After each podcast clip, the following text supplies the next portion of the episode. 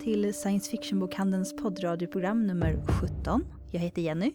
Och jag heter Gabriella. I detta program som vi tillägnar de personer som har gått bort under 2015 som är viktiga för nördkulturen försöker vi minnas deras verk och vad de har betytt för oss som fans. Men vi kommer inleda med en intervju av eh, författarna till Finna dolda ting. Som är en bok om svensk rollspelshistoria. Och sen kommer vi prata om Leonard Nimoy, Grace Lee Whitney. Även Wes Craven, Tenet Lee och Claes Berndahl. Så kommer jag och Gabby prata om Terry Pratchett. Och till sist så kommer eh, Mats Claesson läsa en minneskrönika över vår medarbetare Johan Frick.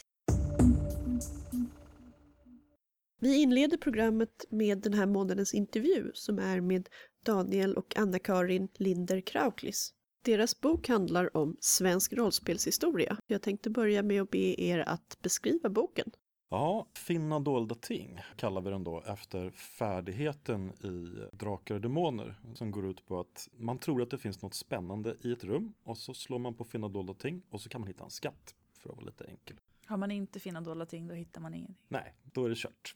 och den beskriver svensk rollspelshistoria både i svepande och grundligt eh, samtidigt. För vi börjar lite med prata om vad rollspel kan vara, lite olika begrepp och vad man lägger i det. Och så går vi in på hur det uppstod i USA med Dungeons and Dragons och eh, Gary Gygax och Dave Arneson sveper vidare till Chaosium, förlaget som skapade Basic Roleplaying som är det system som brukar kallas det svenska rollspelssystemet som sen importerades till Drakar och Demoner. Och där kör vi vidare på storhetseran kan man kalla det, guldåldern, när Drakar och Demoner kunde sälja i 100 000 ex, väl extremt stort för ett så litet land som Sverige. Och så går vi vidare lite på moralpanik. Vi går på sidogrenar som live och hur det så småningom uppstod friform. Vi pratar lite kort om hur Sverok uppstod som är världsunik eh, ideell eh, riksorganisation för hobbyaktiviteter. Vi snackar lite om hur de kommersiella rollspelen dippade lite sådär 00-tal. Men hur det också blev en eh, global kan man säga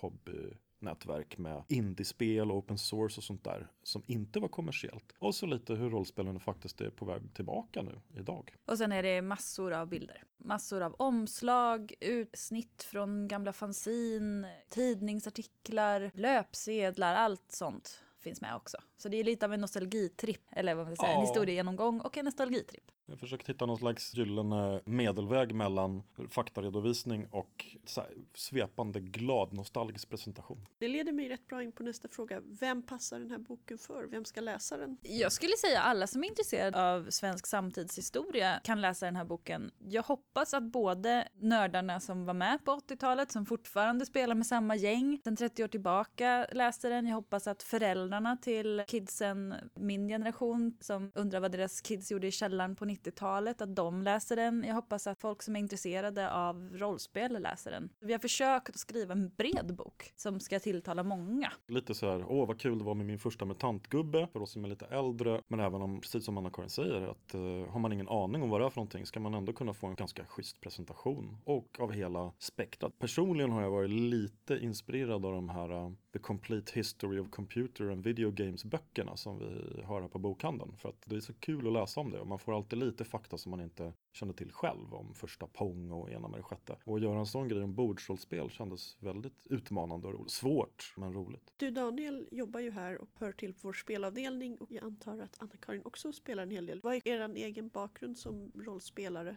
Jag är ju född i början på 80-talet och började nosa på rollspel i sexan. Men det var så töntigt och det fanns ingenting töntigare än rollspelade töntkillar förutom en sak och det var en töntig rollspelande tjej. Jag skäms att säga det men jag vågade faktiskt inte börja spela. Sen kom Kult, eller Kult hade redan kommit då men när jag fick reda på Kult då var jag 15 och då var det typ lite så coolare människor som, alltså det är så hemskt att säga så här men det var verkligen så. Då var det lite mindre stigmatiserande att spela och då vågade jag men alltså jag var så himla rädd att bli hånad för det. Vilket känns helt absurt idag. Så jag började liksom med kult någonstans i mitten på 90-talet. En lite gammal gnet kan man säga, men jag är inte riktigt så gammal som de var när jag började. Jag började spela 1985. För jag hittade soloäventyret Ensamma vargen på Åhléns av en slump. Jag och en kompis köpte varsin bok. Jag köpte del två som jag började med. Fattade förstås ingenting för storyn fortsatte ju från del ett. Och i slutet gjorde de reklam för Drakar Demoner och tänkte att wow, om det är lika bra som Ensamma vargen, då måste jag ju pröva. Och fattade ännu mindre. Men på den vägen är det. Då var jag, tror jag, 14 när jag var 85. Ganska sent för att vara så här svensk gammal rollspelare. Men det är jättespännande tycker jag med just när Kult kom och Vampire the Masquerade. I den våg när Anna-Karin började. För då kom det in mycket fler kvinnor och tjejer i hobben än vad det hade funnits tidigare. Jag fastnade aldrig för att de som hade spelen var för långt bort. Men jag prövade också Vampire the Masquerade just för att jag hade läst Anne Rice. Ja, Och nu kunde jag bli det statt. Och jag Mm. bara yes. Men en sån här bok när man gräver i, i historien och det förflutna, det måste vara både väldigt roligt och kanske lite svårt ibland. Vad är minnesvärda ögonblick från arbetet med boken? För mig var det nog när jag åkte till Kungliga biblioteket och fick sitta och gräva i gamla tidningar och läsa vad Livets Ord skrev om kult 1992. Det var liksom grov satanism för barn och det var så otroligt mäktigt. Alltså jag kände mig som någon slags Indiana Jones. Nej men liksom att det var så häftigt att få se dem. Alltså det finns ju inte kvar på nätet. När jag ringde till Livets Ord och frågade om de här tidningarna så visste de inte ens att, alltså de visste knappt att den fanns. De hade sparat tidningar från 95 och framåt och det här var liksom för långt bak. Så för mig har det nog varit ganska mycket, dels att träffa alla, alltså vi har träffat fantastiskt, fantastiska människor, jättemånga fantastiska speldesigners och rollspelare och så vidare. Så det var det och sen har det varit liksom att få upptäcka gamla utklipp eller få så här, postat en länk till ett gammalt internetforum från 97 och sådana saker. Ja, jag håller med om det där med att träffa folk. Jag har ju gjort mera e-postbaserade, inte flera sådana. Och Anna-Karin har ju har träffat flera människor. Men det att prata med dels de här gamla barndomsidolerna. Som för folk som inte har spelat så mycket rollspel kanske är väldigt obskyra. Men äventyrsspel och prata med de som har skrivit Eon och sådär. Och fram till idag där det finns väldigt häftiga människor som jobbar i, i så att säga branschen. Det har varit jättekul. Och gräva upp sådana obskyra fakta som jag snöade in ett tag på att försöka hitta några skandalavslöjanden om Gary Gygax som skapade Dungeons and Dragons. Det jag hittade kände jag att det var så tolkat så det ville jag inte använda men det var ändå kul att ta sig in i de här gamla stofilerna som kan man säga för de som ändå skapade en helt nytt uttryck som har ju spridit sig enormt mycket för jag menar vi datorrollspelar ju extremt mycket och tänket med, alltså mycket, om man nu ska slå på stora trummor så sociala medier hur de funkar med liksom achievements kan man säga och, och lite sånt där är också lite influerat ibland av rollspelstänket så det finns liksom överallt. Brädspel och det, att levla är ju liksom inte uteslutet till att sitta med en 20-sidig tärning längre. Nu har ni skrivit en bok om vad som har varit och fört oss fram till vart vi är. Vad tror ni om rollspelsframtiden i Sverige? En grej vi ville göra var att försöka minimera hur mycket vi föreläste så att säga, vad vi berättar, utan låta intervjumänniskorna berätta själva. Och en spännande grej var ju att höra vad, dels vad de tycker att var vi är idag och sen så vad som är på gång. Ganska många är ju överens om att det är på väg uppåt. Det syns både försäljningssiffror och liksom kan man se även i butik att det är fler som är intresserade. Åldersspektrat, det, det är fler ungdomar kommer in i och med att det finns barnrollspel nu för tiden och så. Vi får väl se hur det blir. Men dels så börjar ju lite de här liknande spelsystemen som till exempel Fate och allt som han den här Jason Morningstar har skrivit som är rätt tärningslöst. Det får ett ganska brett genomslag. Det syns ju att det gör avtryck även i svenska produkter. Även om vi är traditionella i Sverige och gärna vill ha allting i en låda och så ska det vara en tärning och så ska det vara grundegenskaper. Det är kul. Och många tror ju också att crowdfunding, och det har ju synts också de senaste åren, kommer påverka branschen och göra även spelarna mer involverade. Det går att få ut fler saker nu än vad det gick på guldåldern när man måste finansiera allting själv. En sak som vi har insett under skrivandet är väl att vi lever i väldigt nostalgiska tider. Alltså att folk som spelar för 30-20 år sedan, de kanske inte spelar idag, men de köper fortfarande rollspel för att ha dem. Och att där finns det också någonting som man kan titta på. Jag hoppas ju att det också ska leda till mer spelande. Men det är ju väldigt svårt, alltså det, det är svårt att titta på försäljningssiffror och sen dra slutsatser om hur många som spelar. Man vet ju att när jag började spela rollspel så var det att det var bara spelledaren som hade spelböckerna. Sen var vi ju fem personer till, så att det går ju typ fem personer på varje spelbok om det spelas liksom. Så det är jättesvårt att säga någonting om om det går upp eller ner. Men jag tror ju att den nostalgiska, den här liksom nostalgiska känslan är en viktig del av, av nutiden och den går igenom i allt. Det är liksom rebootas Spiderman och Superman och allt sånt där. Det är många som plockar upp från förr. Jag tog lite barn kommer in, några droppar in från datorspelen lite när det finns rollspel som kopplar ihop med existerande titlar. Om jag ska bara gissa, det här är helt uh, out of the blue, men någonting som kanske är på gång tror jag är det här gränsöverskridande, tärningslösa, lite friformsartade tror jag kommer bli mera mainstream utan att vara någon grej. Tack så mycket och ser vi fram emot att läsa Finna dolda ting. Live long and prosper, det mest kända citatet från Star Trek, Vulkan-saluten som Leonard Nimoy själv skapade, inspirerad i både ord och gest från eh, judiska ceremonier. Jag har med här Mikael och Gunilla som är två av våra Star Trek-fans här på bokhandeln.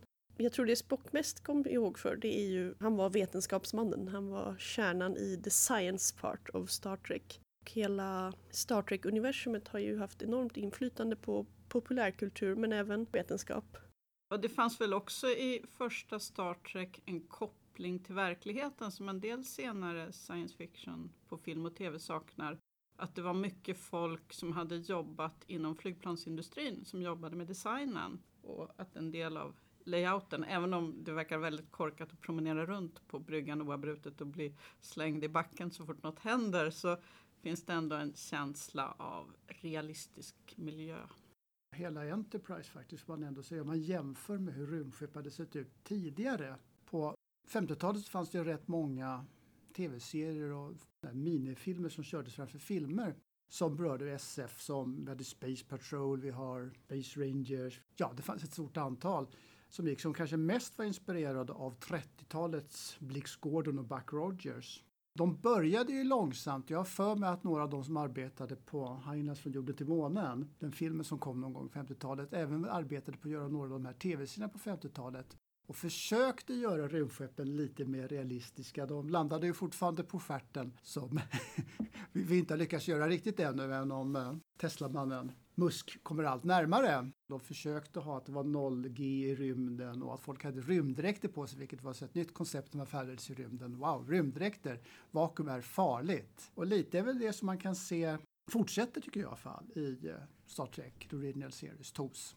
Även om Enterprise mest känns som ett hangarfartyg så känns det ändå som ett skepp. Det finns en tanke kring underhåll, ingenjörskonst i det här. Som... De har ett maskinrum, ja. de har motorer. Och de landar ju inte, det är ju, det är ju ett skepp gjort för, för rymden så den, den står inte på näsan och lyfter inte igen i alla fall efter det. Någonting hände ändå där.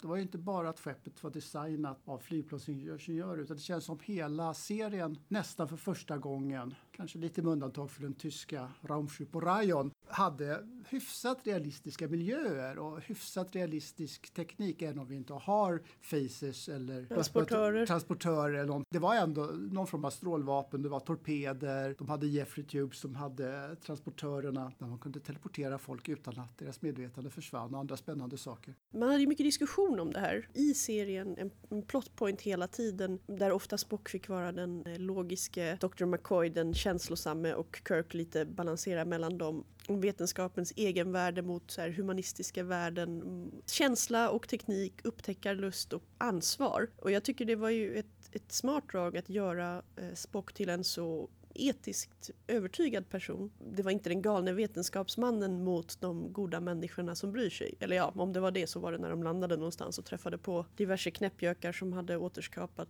Hitler-Tyskland på en annan planet. Men, det fanns en del konstiga handlingar. Det fanns en del ganska konstiga handlingar men det fanns en del riktigt välskrivna också. Jag menar, om man tittar på eh, personer som skrev Star Trek-avsnitt så är det så här Hall of Fame från science fiction den tiden. Ja, och de backade inte alltid för komplexa handlingar, knasiga tidsparadoxer, Horta-historien med den mystiska varelsen. Devil in the Dark. Ja, som Precis. är sin, den sista av sin art, eller ja, den första som människorna bedriver gruvdrift på en tidig ekologisk henne, parallell. Hennes, hennes barn, hennes ägg, den mineral de utvinner på planeten. Hon blir lite arg över detta och börjar göra slut på gruvarbetarna när de envisas med att ta livet av hennes barn. Spock måste kommunicera med henne med hjälp av Mindmeld. Mindmeld, Vulkan Mindmeld och inser att oj, det här är inte egentligen varelse och vi har betett oss illa. Det var inte standard i, i SF på film och tv på den tiden annars. Nej, och att man gav det hela en vetenskaplig eller kvasivetenskaplig bakgrund. Hon är inte bara ett monster, det är inte bara en metafor eller saga, utan sagan, man försöker förankra sagan i en verklighet. Jag tror det är därför så väldigt många, om man tittade på vad som tweetades och postades för artiklar när Leonard Nimoy gick bort nu i februari så stod ju NASA och astronauter, både aktiva och pensionerade för många av dem, om hur han hade inspirerat dem, hur hela Star Trek har gjort det, men ofta personligen verkligen att Mr Spock, vetenskapsmannen, Buzz Aldrin skrev en fin artikel som går att googla fram lätt och sen hittade jag det här citatet i The New York Times. En journalist som skriver om hur Leonard Nimoy som spelade den mest berömde tv-vetenskapsmannen av i alla tider kom ju från en konstnärlig och teaterbakgrund och är inte alls som sin eh, logiska rollfigur. Yet he told me that because Mr Spock and Star Trek have inspired so many young viewers to become scientists, researchers who meet him are always desperate to give him lab tours and explain the projects they are pursuing in peer-to-peer terms. Mr Nimoy nods sagely and intones to each one, well, it certainly looks like you're headed in the right direction.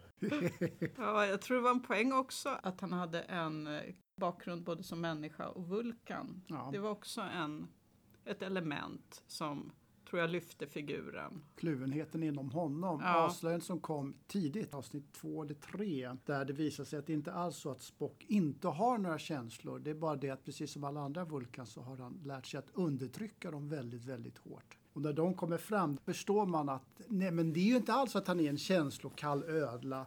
Han har alla de här varma känslorna, det är bara att han visar dem inte.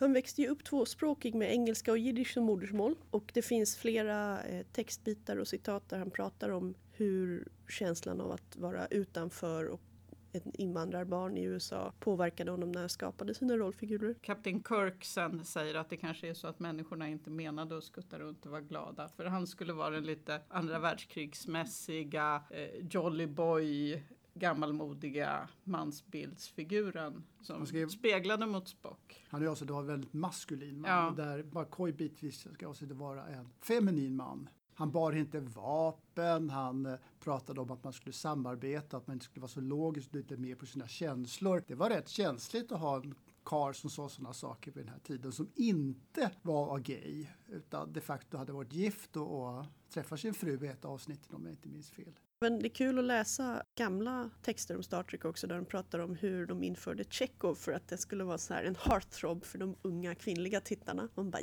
ja, jo han är ju inte ful men Men, Men, punkt, punkt, punkt. modet ändras. ja, Spock blev ju den stora.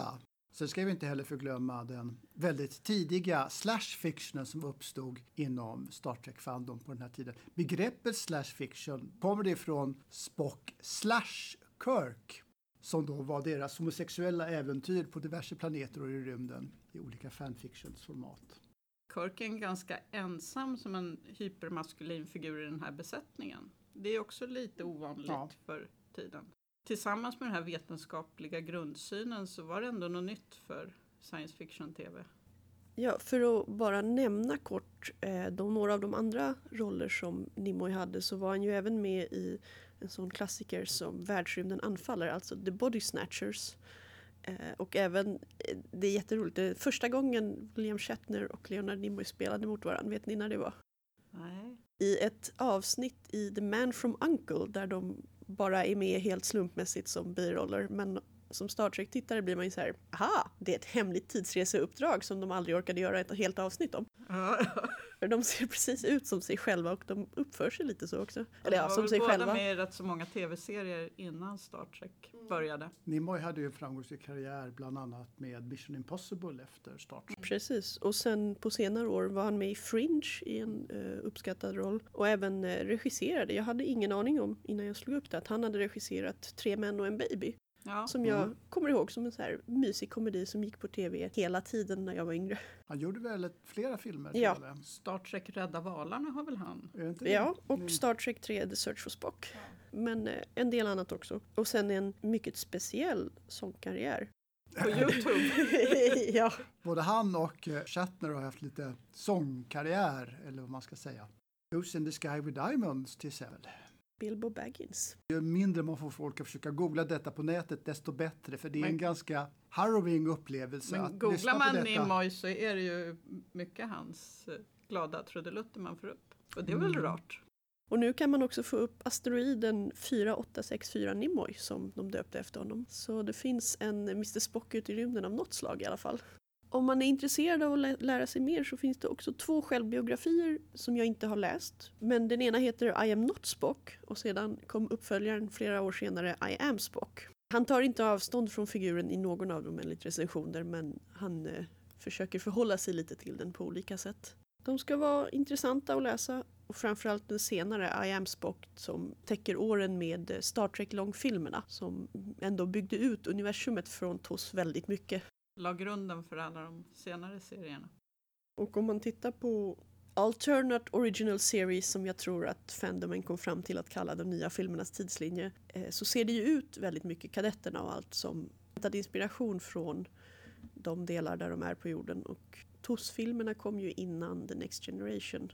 Några av dem i alla fall. Det, det är lite komplicerat det där med tidslinjer i Star Trek. Det är väldigt komplicerat och det är därför de bytte. Det enda jag inte kan förlåta dem för var att de förstörde Vulkan. Jag tyckte om Nimoys gamla Spock och, och mötet mellan, mellan generationerna ändå på något sätt. Tyckte det var ett fint sätt att, att överlämna det även om jag inte är så förtjust i många av ehm, de andra valen man gjorde i filmen. Och en lite trist syn på romulanerna. Och original Star Treks idé med Gene Roddenberrys vision om New Frontiers i, i vad man kan visa i, i TV. Man kan ha med en god rysk person som då var känsligt att det finns en svart kvinna på bryggan och så och att man inte har gjort någon ansträngning alls för att uppdatera det och trycka lite mer på vad kan vi göra idag. Ja, det, det var något som saknades i individualiseringen av personerna i båda filmerna. Men var inte liberal nog? Menar, Roddenberry var en väldigt liberal man. Star Trek är en väldigt liberal i dess allra godaste bemärkelse tv-serie. Alltså De idén, nya filmerna var inte riktigt det. De kändes bitvis konservativa, vilket jag tycker Ja, idé- skär väldigt mycket emot Ja. grundkonceptet i Star Trek handlar om liberal, gru, gru- grundläggande goda liberala värderingar. Tolerans, eh, kärlek, jämlikhet, utforskande av det nya, vetenskapliga framsteg. Och hur det kan komma i konflikt med varandra, alltså de olika, de olika goda värderingarna, men hur man eh, jobbar på att lösa dem. Som Next Generation där det oftast var en poäng att man inte sköt sönder saker och ting. vi hoppas att det bättrar sig och att romulanerna blir med, skildras på ett lite mer nyanserat sätt i nästa film.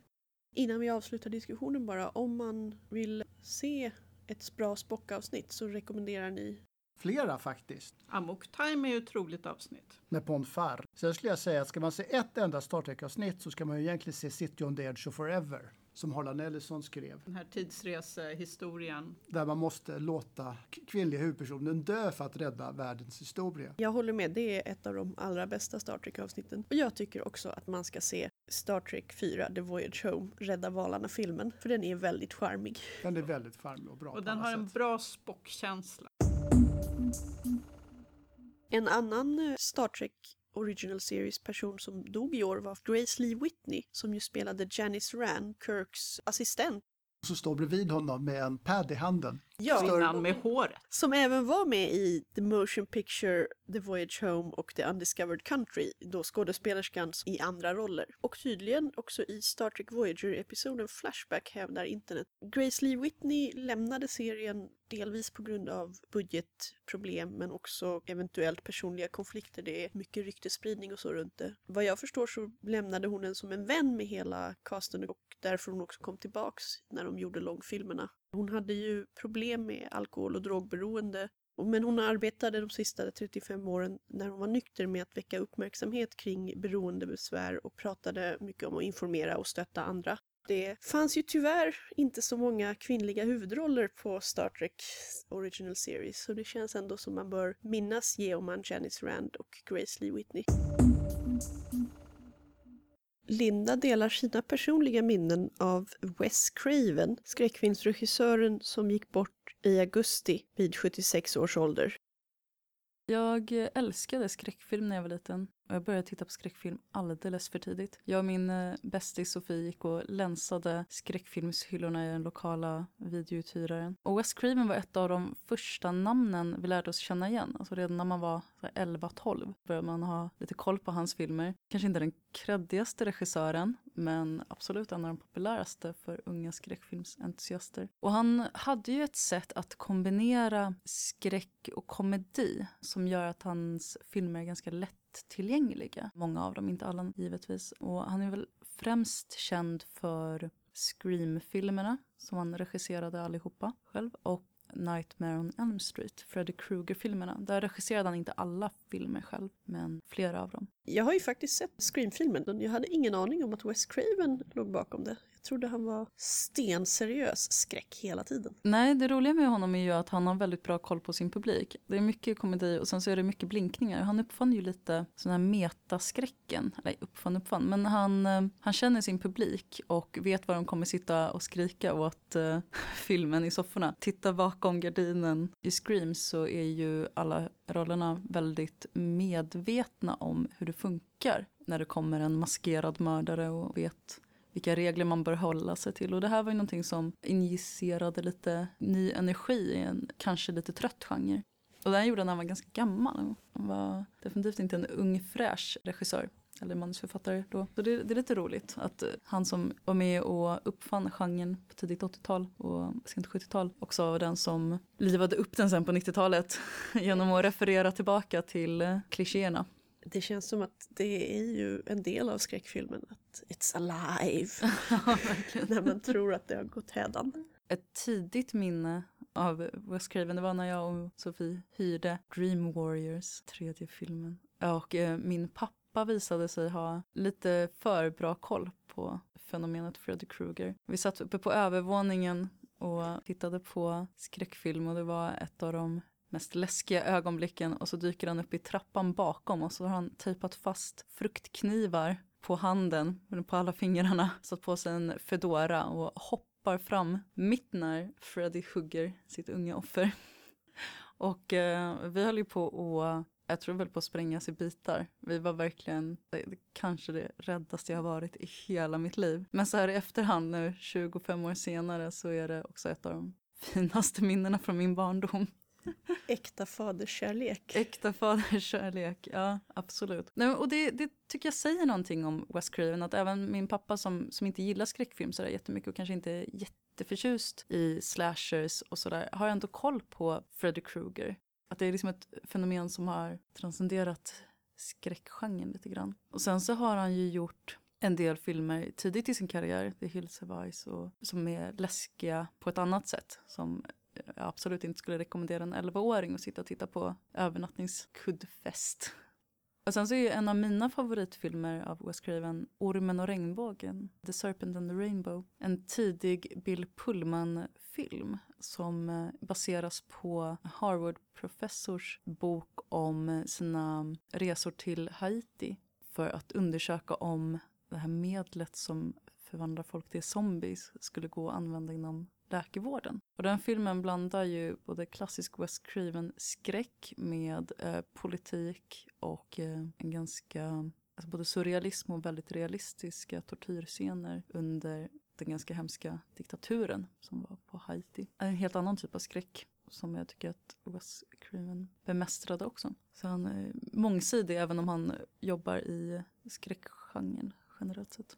Men det är kanske det som eh, gör en till mästare av en viss genre. Mm, ja, verkligen. Jag tänker den här Vampire in Brooklyn. Vampyrfilmen med eh, Eddie Murphy och Angela Bassett tror jag det är. Som är mindre skräck och mer komedi. Den har väl åldrats sämre än hans andra filmer. Men fortfarande ganska rolig. Så det finns mycket att välja bland om man vill minnas Wes Craven med en eh, kuddnatt. Absolut.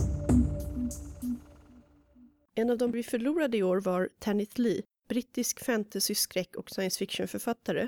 Jag har med mig Mikael och Gunilla för att prata om hennes fantastiska och rika romanproduktion. Jag gillade Birthgrave väldigt mycket när den kom på 70-talet när jag läste den. Det var en av de första böcker jag läste på engelska. Den hade en blandning av SF och fantasy som man inte ser så ofta längre och den hade en vildhet hämtad från 60-talets, vad kallas det för? New wave, New wave. science fiction kombinerat med fantasy, lite av det man ser också hos Philip José Farmer, även om han är en väldigt gubbig författare, så är vildheten ändå densamma. Tenet Lee är ju då inte alls så gubbig, men har kvar det här idén om den här kvinnan som vaknar och kanske, kanske inte är någon sorts gudomlighet hamnar i en väldigt märklig miljö som hon ska försöka navigera och inte riktigt vet vad hon gör där eller vad hon har för mål eller vem hon är och vad världen är för någonting. Kanske är det framtiden, kanske det förflutna eller något helt annat. Det var väldigt suggestivt och tilldragande. Jag hittade Delta förlags böcker som de hade på mitt bibliotek. Att hitta den som på engelska heter Biting the Sun. eh, Bit inte cykeln solen. 4B. Ja precis, Bit inte solen och sen Safirvin. Det var något helt annat än Asimov och en del svensk science fiction som det fanns. Det var så svulstigt och så vackert språk. Och Bit inte solen. Oh gud, den var så bra. Ja, den förebådar ju hela den här transhumanistiska vågen som vi har sett inom science fiction de senaste 10-15 åren. då var den unik för mig. Och, och sen också att hitta Jungfrun som älskade silver, The Silver Metal Lover, som handlar om en ung tjej som hon växer upp i det här överflödet. Det är, det är mycket av, av överflöd i i materiella ting och en tomhet i själen i flera av Tanit Lees böcker. Men att finna kärleken med en robot. Också så här fantastiskt skrivet och en sån upplevelse att läsa det som ung tjej. Bara, men det är en science fiction kärleksberättelse. Och den är inte jättedålig och den handlar liksom inte om den här gubbigheten att oh, jag möter den exotiska marsbruden och, och sätter på henne. Och sen drar jag vidare på mina äventyr, vilket jag hade läst en hel del. Mitt kommunbibliotek hade ganska mycket science fiction, men inte så mycket lite ny science fiction där i början på 90-talet, utan det var gamla böcker. Det var ju väldigt mycket bra SF som Samuel Lundvall kom med där på 70-talet i den vita serien. Det var James Blish, det var Tanit Lee, Philip Schultz Farmer och en del väldigt bra författare överhuvudtaget. Alltså jag, jag tyckte Riverworld var också jättespännande. Ja, ja. Men, eh, Gubbig. Och Och samtidigt så finns det ju fortfarande inte särskilt mycket bra kärleksbeskrivningar, bra kärleksberättelser i science fiction. Man hittar mycket ute i rymden bland stjärnorna men inte känslomässig närhet. Nej, och Tenet Lee tycker jag också fångade en möjlig framtid som inte kopplade bakåt mot ett gubbigt 50-tal eller mot någon sorts medeltid. Utan framtiden i Silver Metal Lover och i Bit inte solen är verkligen en framtid. När de skrevs och när man läste dem på 80 och 90-talet så var det ju en väldigt unik framtid.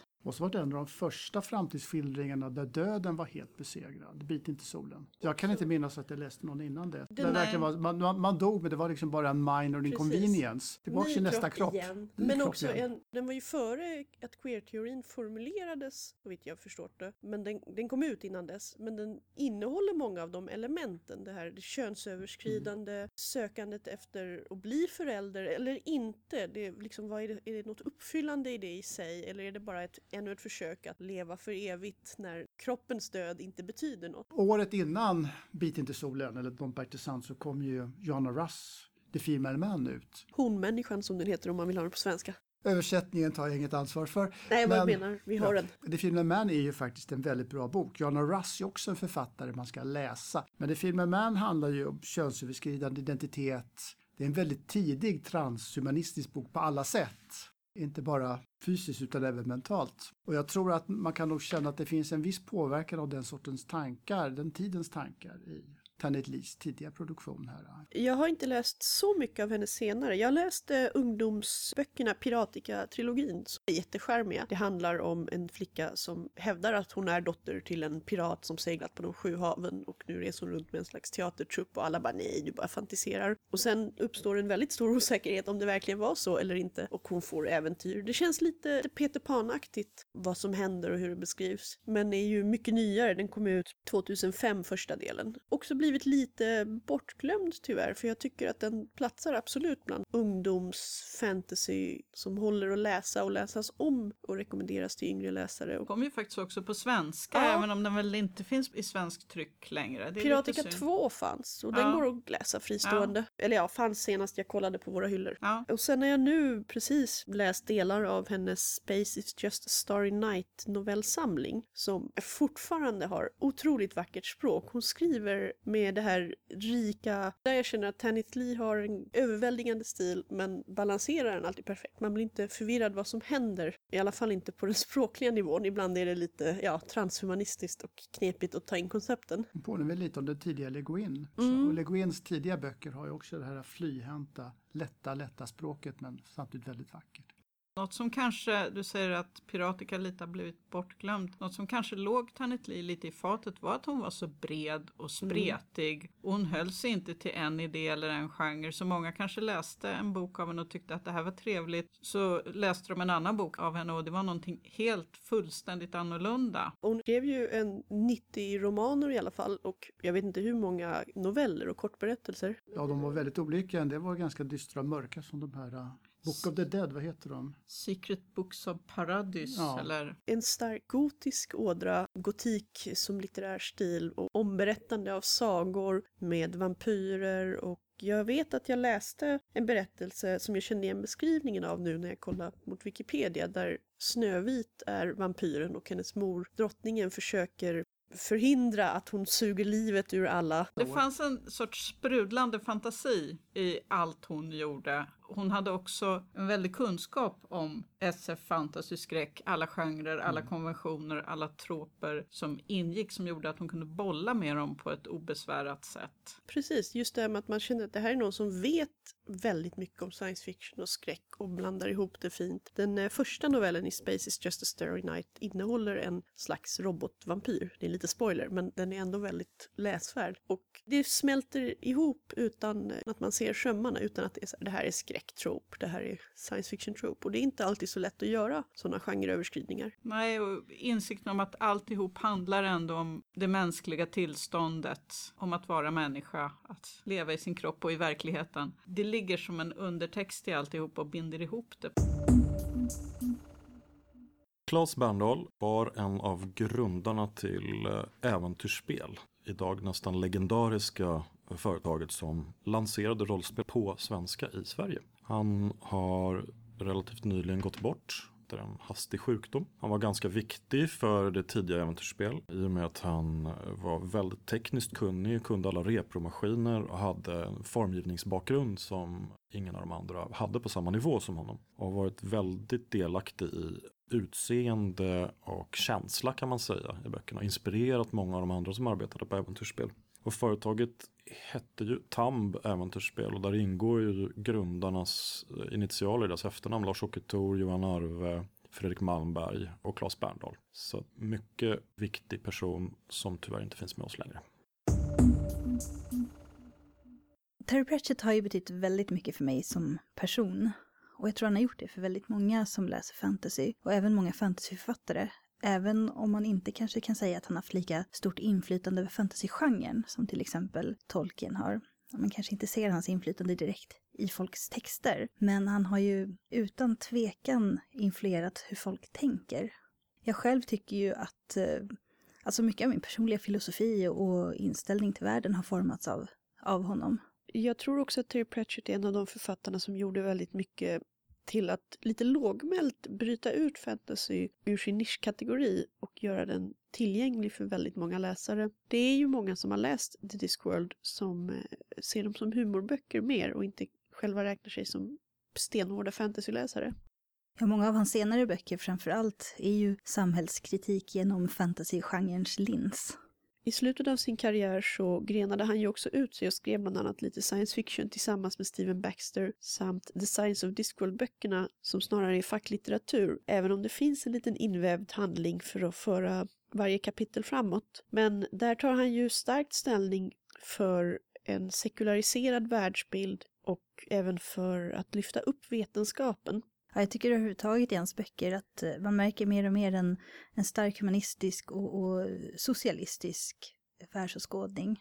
Men för mig rent personligt så har framförallt Discworld alltid varit som att komma hem att läsa det. Jag hittade de första böckerna på bibblan, som jag tror även du gjorde Jenny. Nej, jag fick faktiskt en eh, sån här liten reklamlapp hemskickad från Fantasybokklubben. Oj, oj, oj. Ja, där de första böckerna då var The Color of Magic och The Light Fantastic, fast på svenska då. Så jag har ju läst de första böckerna i svensk översättning från början. Ja, nej, jag hittade först Häxor i faggorna tror jag den heter. Ja, Och jag, jag blev ganska, jag tyckte inte om omslagen. Det tog mig flera år att se böckerna innan jag läste dem, innan jag plockade upp en. Men när jag väl började så fastnade jag ganska direkt. Josh Kirby gjorde ju väldigt speciella framsidor som inte alltid kanske stämde så bra in på vad som faktiskt beskrevs i böckerna. Men eh, de svämmar verkligen över av liv och rörelse.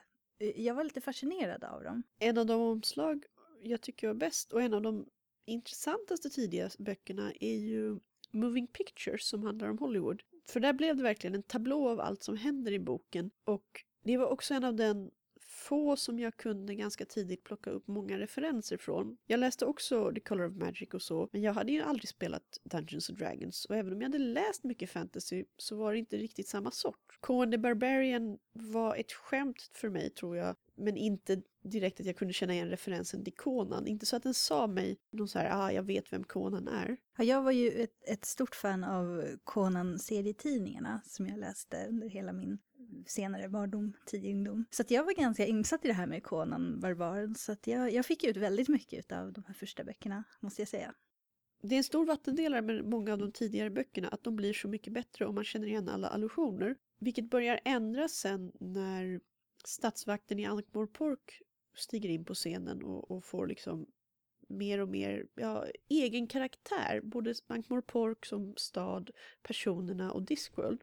Ja, de första böckerna har den ju ställt upp som en slags, eh, ja nu tar jag upp de här eh, tendenserna inom fantasylitteraturen eller inom eh, rollspelskulturen och eh, driver lite med dem. Och ju längre fram i serien man kommer desto mer går han ju över till samhällsföreteelser och politik snarare än rena litterära företeelser.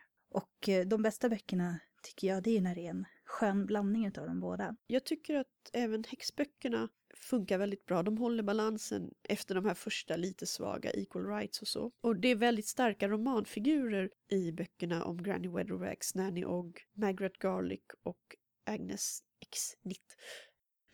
Ja, Perdita X Dream.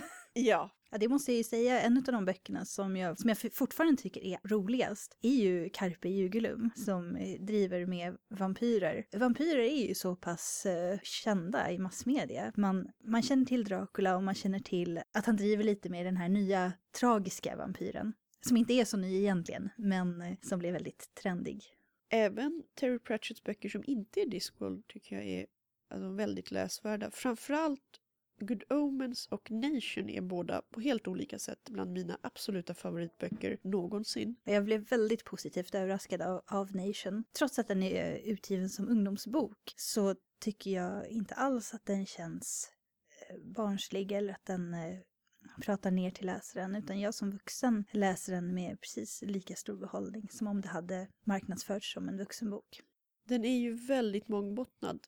För de som inte känner till Nation så handlar det om en tsunami som drabbar en liten ögrupp och de personer som överlever och hur den här enorma katastrofen påverkar dem. Den är väldigt inspirerad av Robinson Crusoe, även Jules Verne och den typen av litteratur. Men det jag tycker det gör så fantastiskt är hur den vänder på vems synvinkel man använder. Det är inte de vita och de exotiska andra personerna, utan det är Mao som bor på ögruppen som är en av de största huvudpersonerna och även en eh, brittisk flicka som eh, kommer dit som skeppsbruten. Sen har det ju kommit fram senare att Pratchett skrev den här boken när han fick reda på att han hade fått Alzheimers. Men eh, jag tycker att den är så fantastisk, bland annat för att den kan läsas på så många plan. Den har enormt djup. Jag vet en vän som säger att det är den bästa Terry Pratchett-bok hon någonsin har läst för att den handlar så mycket om förlust och hon läste den i samband med sin fars bortgång och kunde identifiera sig med de känslorna. Och samtidigt så kan man se den ja, som en äventyrsberättelse eller en dekonstruktion av den alltså välskrivna men väldigt klassistiska och rasistiska eh, 1800-talslitteraturen om andra exotiska världar. Men det där tycker jag är så typiskt för Pratchett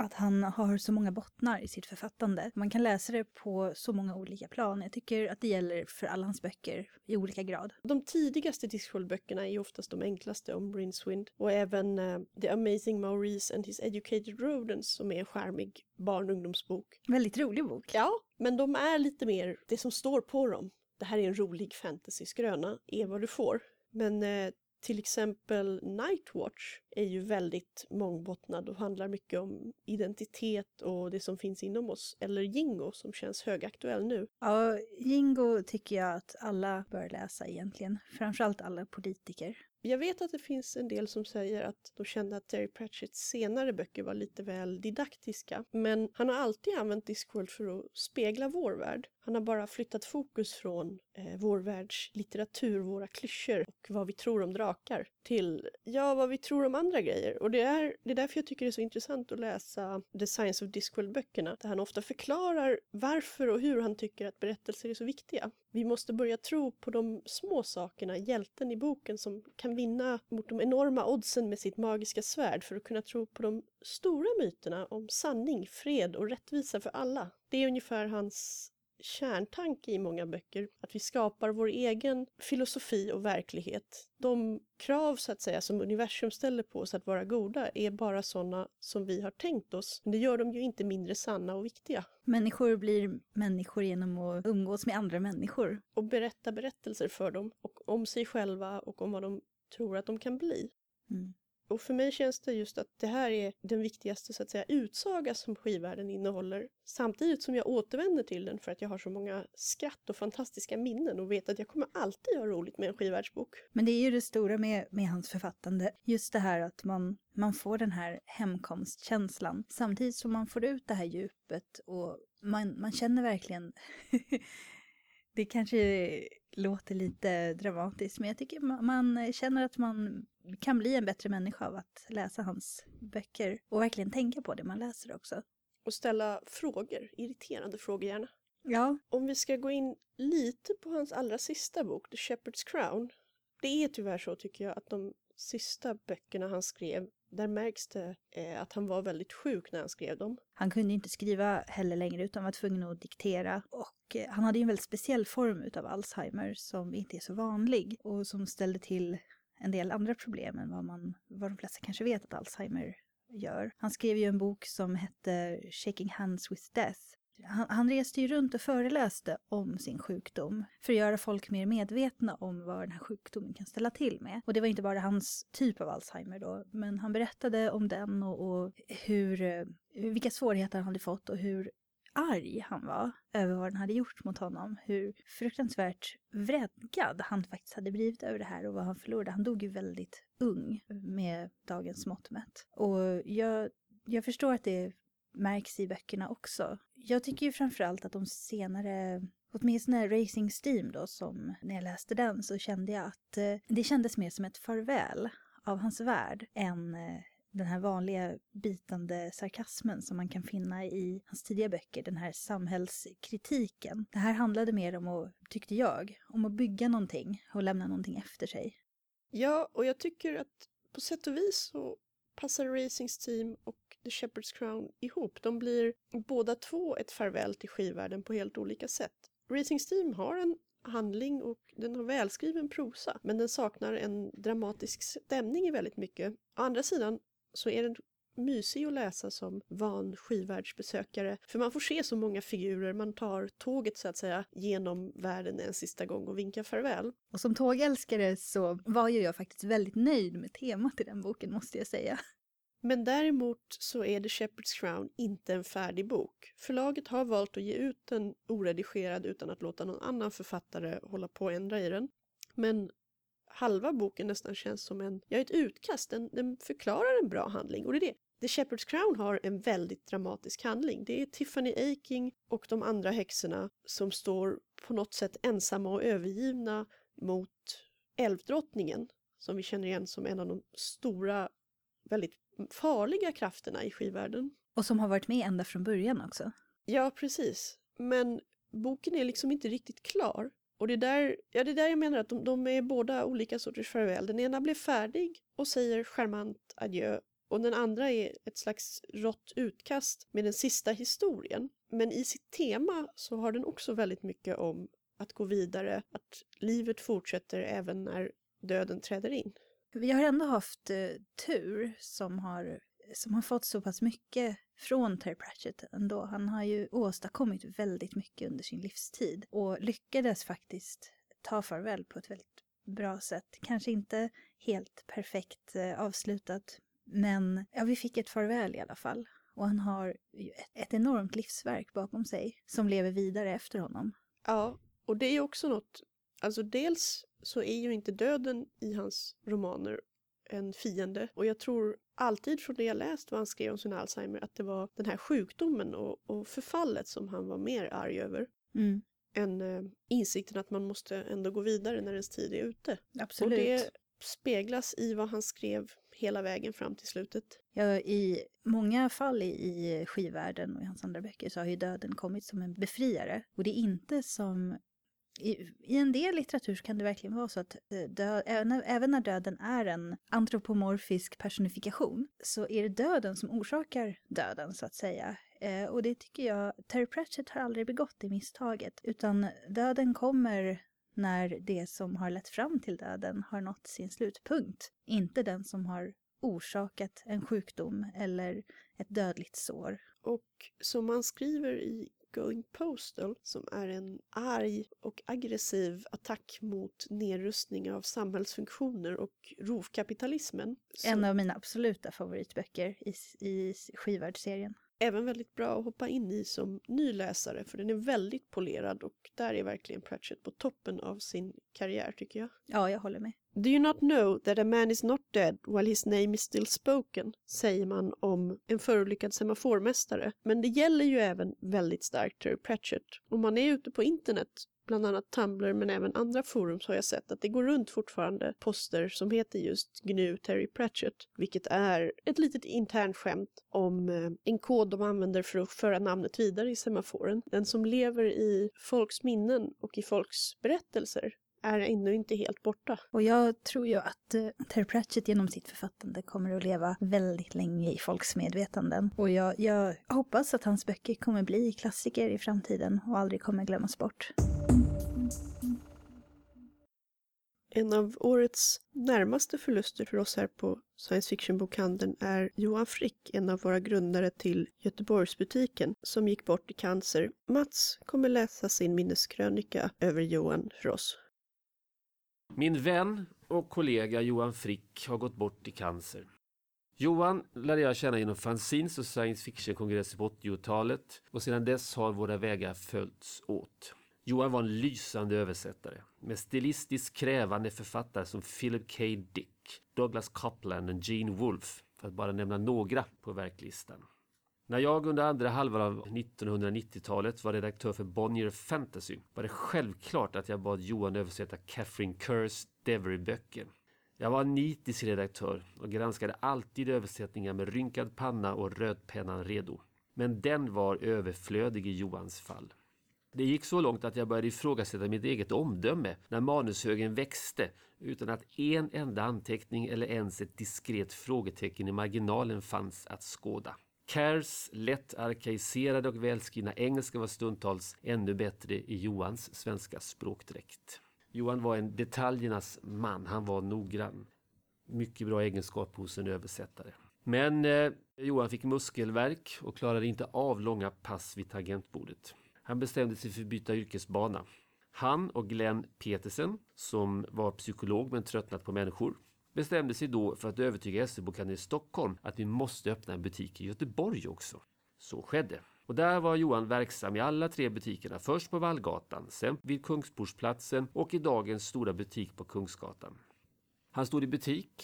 Främst var han inköpare och han skrev och rekommenderade böcker på våra hemsidor. Nästan alla Johans favoritförfattare var också mina. Gay Gavel Kay, Ian MacDonald, Neil Stevenson. På svenska gladde vi oss åt Gabriella Håkansson, Karin Tidbeck och många andra. Och de senaste åren började Johan skriva skönlitteratur. Jag uppmuntrar honom gärna, för med tanke på hans språkbegåvning och djupa kunskap om science fiction och fantastik och stora beläsenhet i all litteratur i största allmänhet var det ju ett alldeles självklart karriärval vid sidan om jobbet i SF-bokhandeln. Johan skrev och han blev publicerad på Mix förlag, som var ett nytt förlag startat av Bonniers för några år sedan som specialiserade sig på digitala noveller och e-böcker.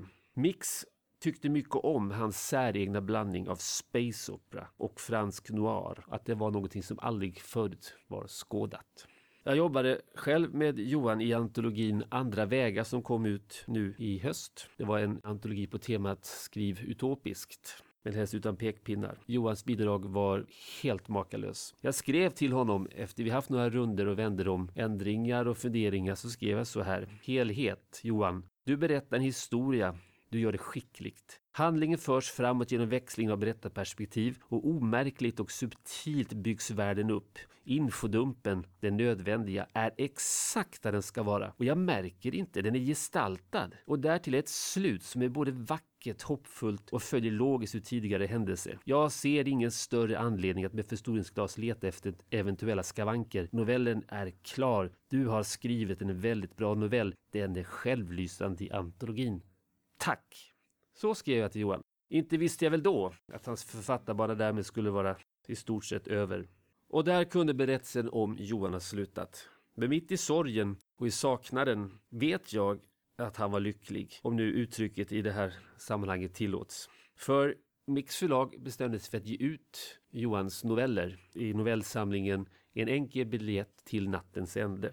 Så de sista månaderna i livet så fick Johan jobba med sina noveller, omslaget, hur det skulle se ut, titeln på boken. Jag pratade med honom i telefon, han var jättelycklig över detta. Och denna bok, En enkel biljett till nattens ände, kommer nu i december. Finns förstås att köpa i SF-bokhandeln. Och det är självklart vårt julklappstips nummer ett i år. För att det är Johans bok naturligtvis, men framförallt för att det är utomordentligt bra science fiction. Det tråkiga är att Johans författarbana fick ett sådant tvärt slut för det kunde bli något riktigt stort. Men det finns den här boken och den är väldigt, väldigt bra. Så Johan, en dag ska jag också ge mig iväg ut i rymden på en resa mot okänt mål. Gärna i en vacker raket om det inte är för mycket begärt. Jag vet att du kommer hänga på någon av de bortglömda barerna i en planet någonstans i en avkrok i galaxen. Jag kommer dit. Jag bjuder på en drink. Så, hej då Johan. Och på återseende. Och därmed avslutar vi den här månadens program. I nästa program så kommer vi ha flera intervjuer med bland annat cosplayaren Jaja Han, young adult fantasyförfattaren Li Bardugo och mangatecknaren Åsa Ekström och även ha en hel del musik för första gången.